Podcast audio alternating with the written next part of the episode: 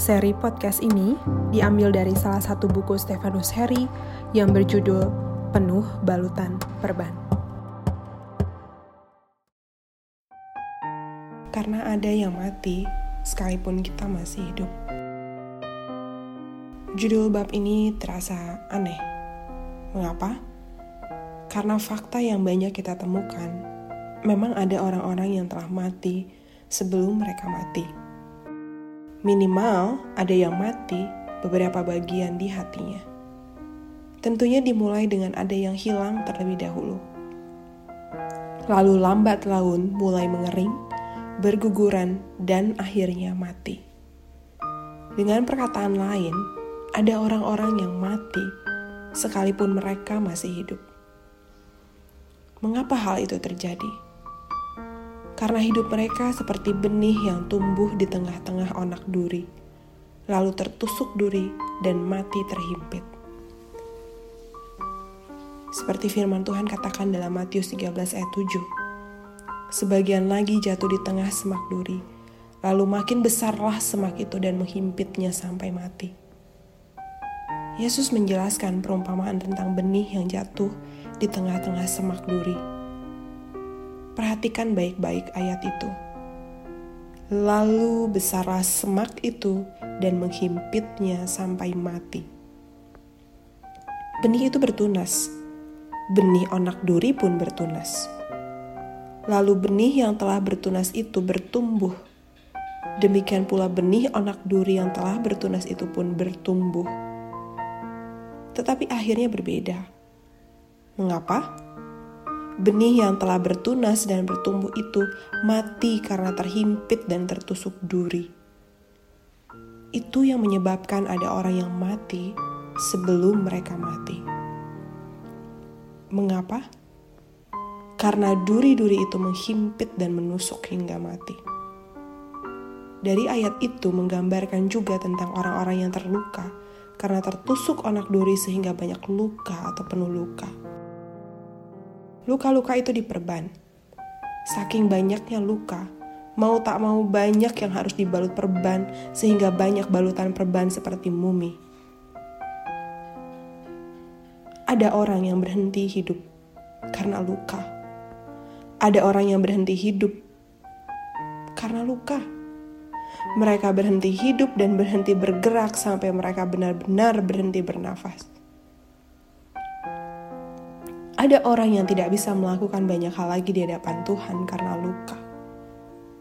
Sebelumnya mereka adalah orang-orang yang mempunyai cinta yang bergelora kepada Tuhan dan mereka menyerahkan hidup mereka kepada Tuhan. Setelah mereka terluka, mereka mulai menarik diri lalu melepaskan semua pelayanan yang selama ini mereka perjuangkan, termasuk melepaskan panggilan Tuhan dalam hidup mereka. Sebelumnya, mereka adalah orang-orang yang mempunyai hati untuk melayani banyak orang. Setelah mereka terluka, mereka menutup keran hati mereka dan tidak ada hati untuk melayani banyak orang lagi karena tidak ada kehidupan ilahi yang mengalir dari dalam hati mereka yang menghidupkan banyak orang. Sebelumnya mereka adalah pejuang-pejuang rohani yang militan. Setelah mereka terluka, mereka melepas baju zirah, menggantung perisai dan pedang mereka. Mereka menjalani hidup sebagai Ronin, yaitu pasukan samurai tanpa tuan. Saya melihat banyak Ronin yang tersebar di berbagai gereja ketika saya melayani di sana. Ronin-Ronin ini seperti kapal tanpa arah di lautan. Tidak ada tujuan, tidak ada kejelasan. Mereka berusaha hidup seperti jemaat biasa dengan cara melepaskan tahun-tahun yang penuh didikan dan disiplin. Seolah-olah mereka adalah orang baru yang tidak tahu apa-apa dan tidak mempunyai pengalaman, padahal mereka adalah orang-orang yang terlatih dalam pelayanan. Tetapi karena sistem pelayanan, maka Ronin-Ronin ini hanya mengerjakan tugas-tugas pelayanan seperti orang baru. Apa tugas pelayanan orang baru? Anda pasti tahu tugas orang baru apa. Dan Anda juga pasti tahu tugas orang yang terlatih dan terdidik dalam pelayanan. Lagi pula ketika Ronin-Ronin ini mendengarkan khotbah-khotbah, mereka tidak pernah kenyang. Karena khotbah itu seperti ciki atau makanan anak, sementara kebutuhan mereka bukanlah khotbah ciki, Tapi ya, mau tidak mau, mereka harus memakan ciki karena hanya menu itu saja yang ada. Menu lain berupa makanan keras untuk jemaat yang dewasa? Tidak ada. Gereja Ciki akan melahirkan jemaat Ciki juga.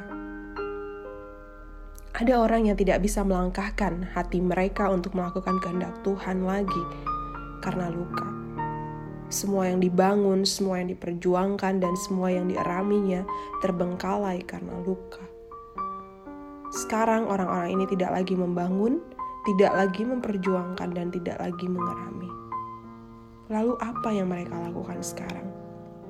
Mereka seperti hamba yang menyembunyikan talentanya di dalam tanah mereka pun mengubur hidup mereka dengan penuh balutan perban, juga mengubur panggilan Tuhan dalam timbunan puing-puing luka. Mengapa? Karena mereka tidak mau melakukan kehendak Tuhan dalam hidup mereka. Ada banyak orang menjadi diam karena terbungkam oleh luka yang telah begitu parah di dalam hatinya. Sekarang mereka tidak mau lagi dan tidak mampu lagi berbicara seperti sebelumnya, dan tidak bisa lagi menyampaikan pesan-pesannya kepada banyak orang.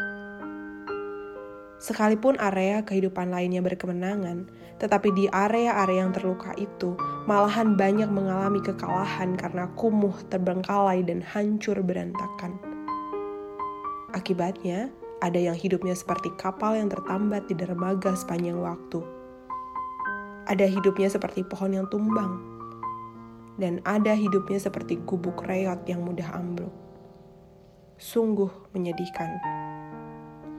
Mengapa hal itu terjadi? Karena ada yang mati sekalipun kita masih hidup. Sekalipun orang lain melihat kita masih pelayanan, yang berarti masih berada dalam pelayanan dan masih mengerjakan pelayanan, tetapi yang mati dalam hati itu membuat kita tidak bisa mengalirkan kehidupan kepada banyak orang. Melihat hal itu, saya terdorong untuk menulis sebuah buku yang berisi sengatan atau seperti defibrillator atau alat kejut jantung yang biasa dokter lakukan kepada pasien yang tiba-tiba detak jantungnya berhenti. Alat ini bekerja dengan cara mengirimkan kejutan listrik ke jantung agar jantung bisa bekerja lagi. Semoga buku ini dipakai Tuhan memulihkan dan menyembuhkan jemaatnya yang penuh balutan perban.